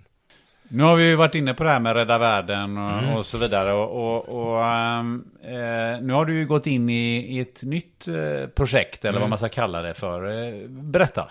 Ja, jag... Eh, ja, men det var också, jag tror, under, börja säkert under researchen med blodmåne, eller rent allmänt så här, jag läser mycket artiklar om, om klimatet, jag är väldigt bekymrad och eh, när de här IPCC-rapporterna börjar liksom bli riktigt tunga efter Parisavtalet och även före där, jag kände att fy fan, vi är så fruktansvärt jävla illa ute nu. Eh, och ju mer jag läste, desto, desto mer kände jag så, vi, vi kör verkligen i full fart mot stupet, fast vi är fullt medvetna om att att vi gör det. Och trots att livet blir sämre här och nu om vi kör mot stupet så väljer vi ändå att göra det. Och, och det, det, liksom, det obegripliga och väldigt deprimerande i det kände att jag, jag blev lite, lite nedstämd. Jag tror inte jag har... Eh, eh, liksom, jag, jag inte... Hur ska jag säga? Jag har nog inte så lätt att få ångest. Jag tror inte att jag har haft det. Men, men jag blev väldigt nedstämd och kände att jag, eh, jag behöver jobba med det här på något sätt för att jag hade frilansat lite, lite, lite grann åt olika organisationer och kände att jag mår lite, lite bättre när jag gör det. Så att jag kom i, i kontakt med en, en, en, organisation som också är ett, ett företag i Stockholm som heter We Don't Have Time. Som eh, bygger en sorts Tripadvisor för klimatet, alltså en app där, där, där man eh, sätter klimatomdömen på företag och organisationer och samtidigt på olika sätt jobbar för att sprida och skala upp lösningar över världen. För det är faktiskt så att vi vet allt vi behöver veta för att ställa om. och vi vet också att eh, nästan allt i livet skulle bli lite roligare om vi gjorde det. Så att det där, eh, det jobbar vi med. Vad, vad är din funktion där? Ja, men jag skriver där också. Jag, jag hörde faktiskt av mig när jag hörde talas om We Don't Have Time och började liksom bli, bli nyfiken. Då letade jag upp faktiskt eh, grundaren Ingmar Rentzog på LinkedIn och så skrev jag så här, hej, jag tycker ni verkar göra roliga saker, liksom. får jag vara med? Jag kan storytelling. och då hörde han av sig och sa, storytelling är bra. Eh, och så tog vi, en, en medarbetare till honom och jag tog en fika där. Så, så och då började jag skriva och sen, och sen blev det en, en position ledig förra sommaren som jag fick. Men eh, jag funderar på så att vi har de redskapen vi behöver. Mm. Ehm, och då undrar jag, vad, vad, vad, är det frågan om då, mm. enligt dig? Ja, nej men jag, jag tror det ligger i människans natur att vara, att vara rädd för förändring. Det är vi alla. Vi vet vad vi har, men vi vet inte vad vi får. Eh, väldigt många människor lever ju på ett sätt som de inte riktigt vill leva, för att det är lite lättare så.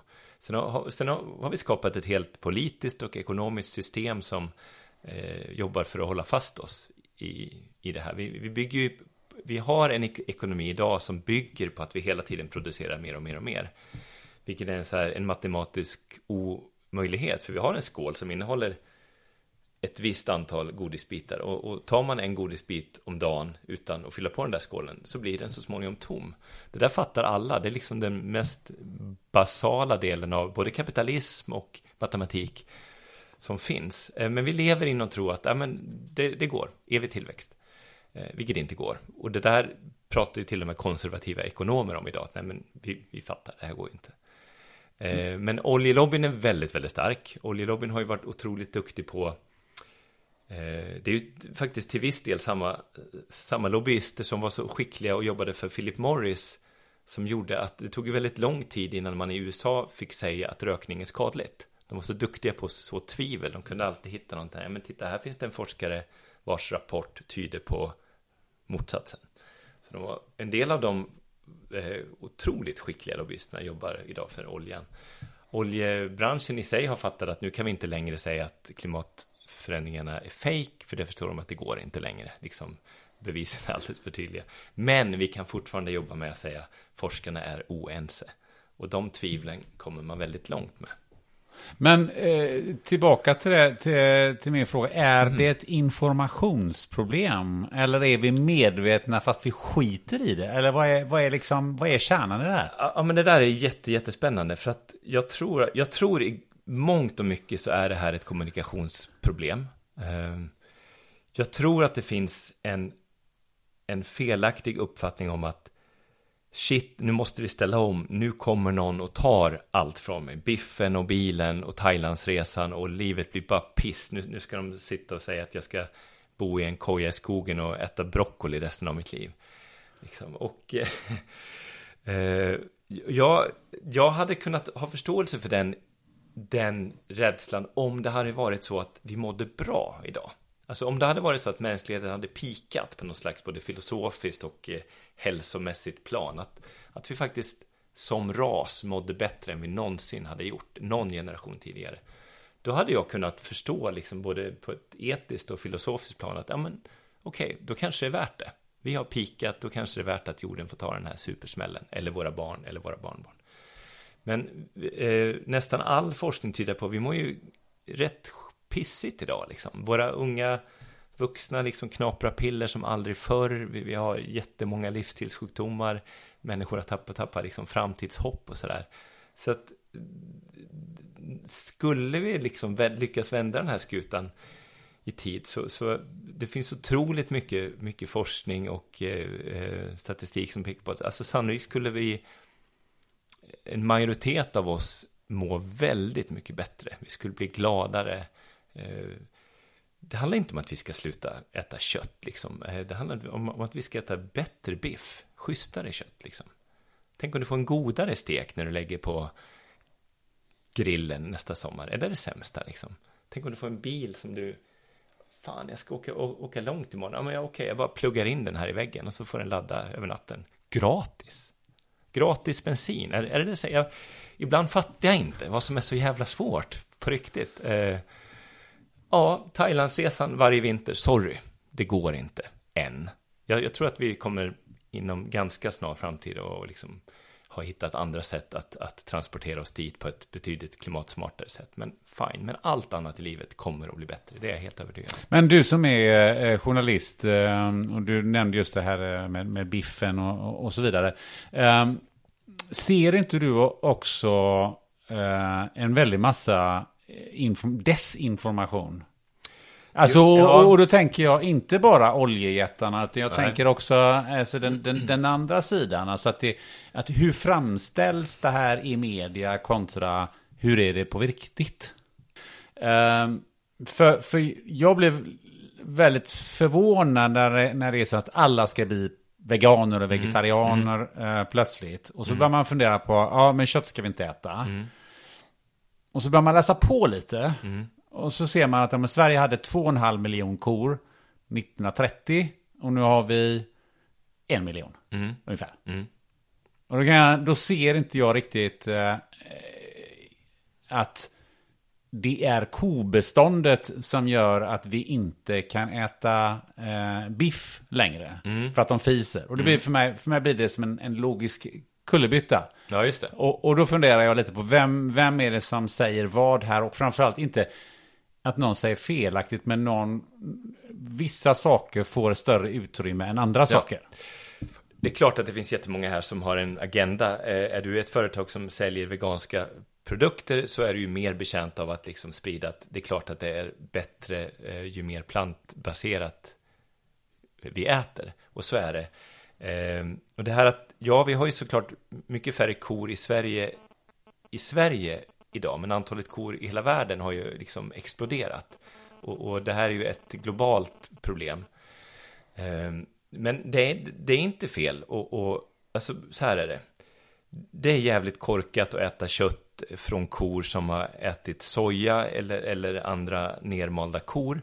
Eh, som aldrig har sett ett grästrå i, i hela sitt liv och som bara blir matade med en, en, en massa konstigheter som gör att de bara fiser metan som aldrig förr. Det är helt sjukt, såklart. Eh, men äter vi kött från kor som går ute och betar och som får gå ut och liksom bajsa på de här ängarna och bidra till biologisk mångfald, fine. Det är liksom schyssta kor. Problemet är att den maten är dyrare. Och när du väl, både du och jag skulle säga att ja men det är klart vi vill äta den biffen. Det skulle faktiskt alla vilja göra. Men när du väl står där i affären och bara, ah, den är 20 kronor dyrare. Då eh, gör man plötsligt ett annat val.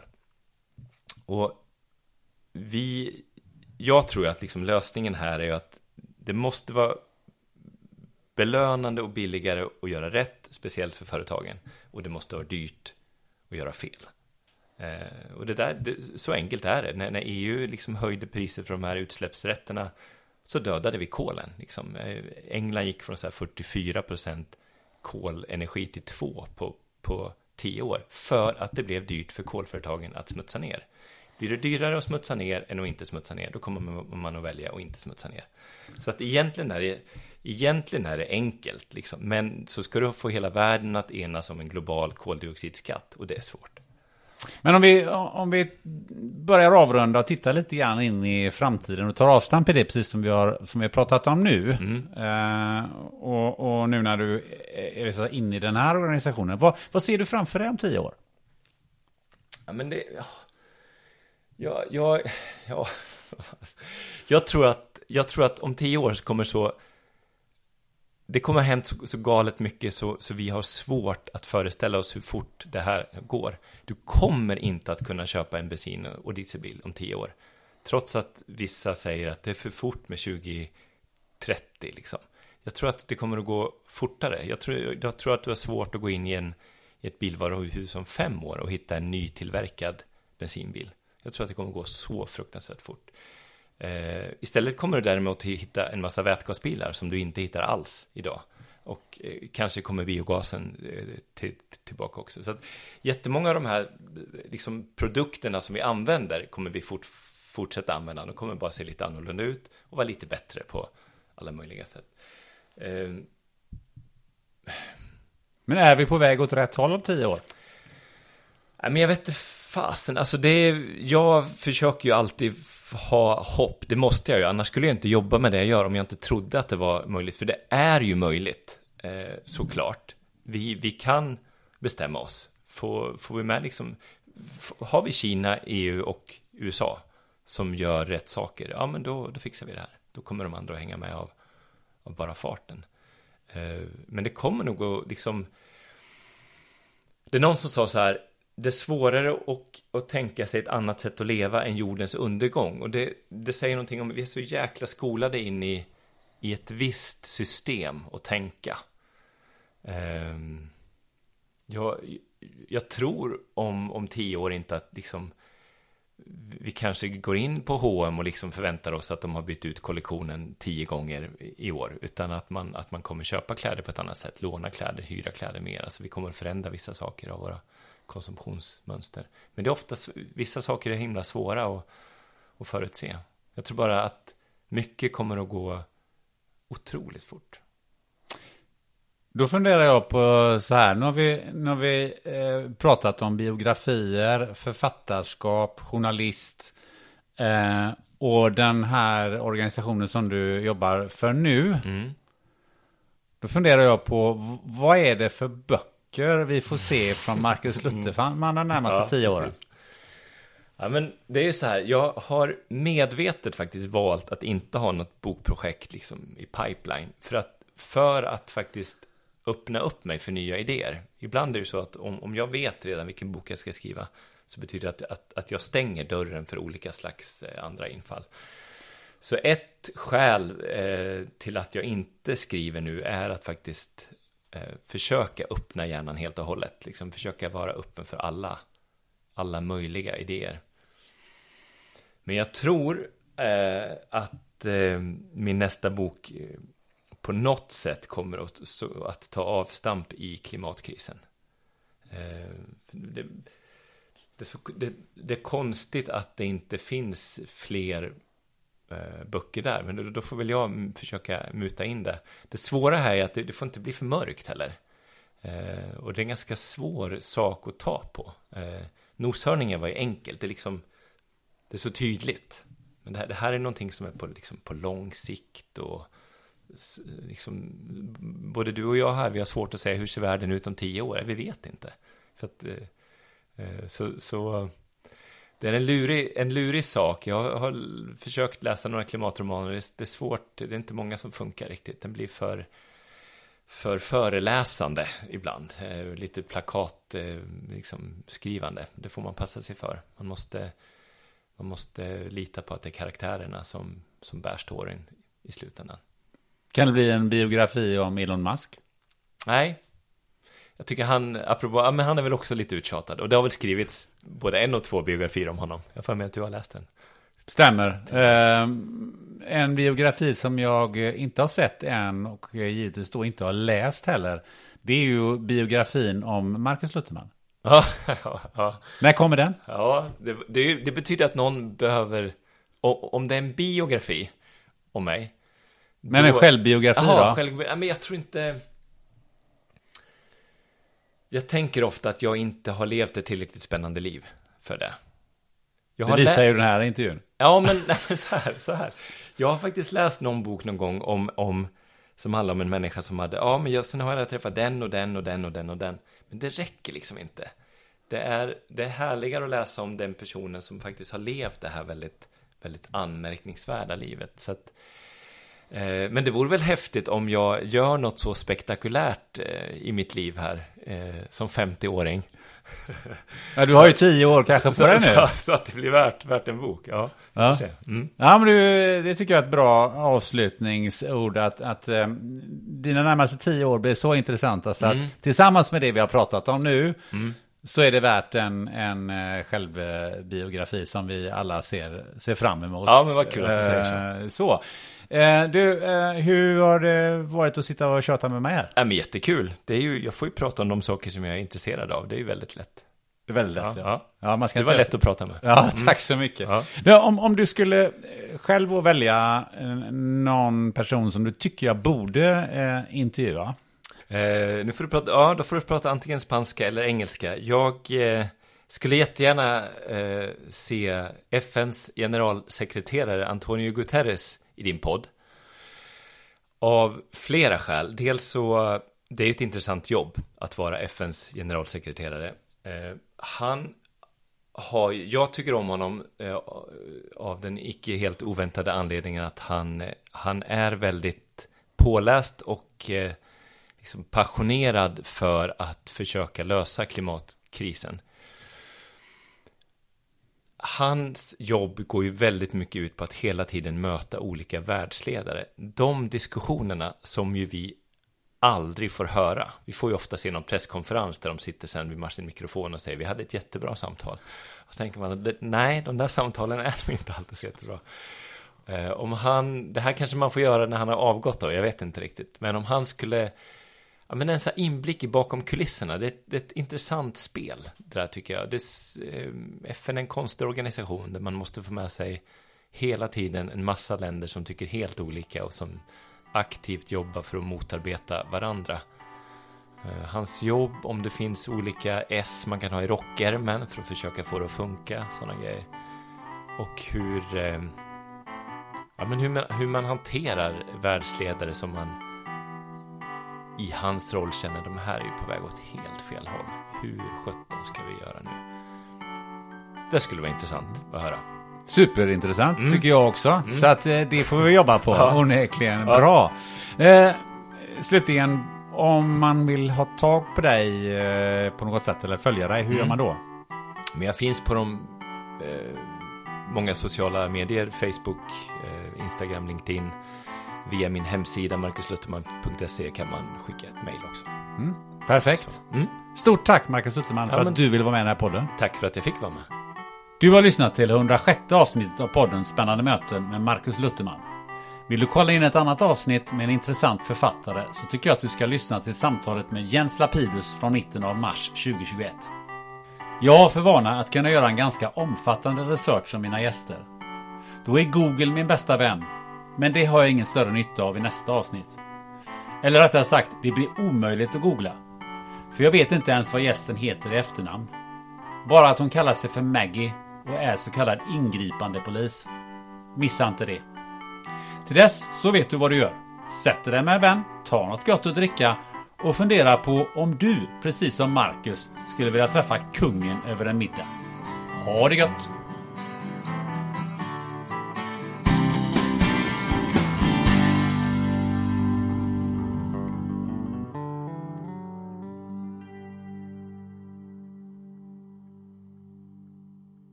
Hey, it's Paige DeSorbo from Giggly Squad. High quality fashion without the price tag. Say hello to Quince.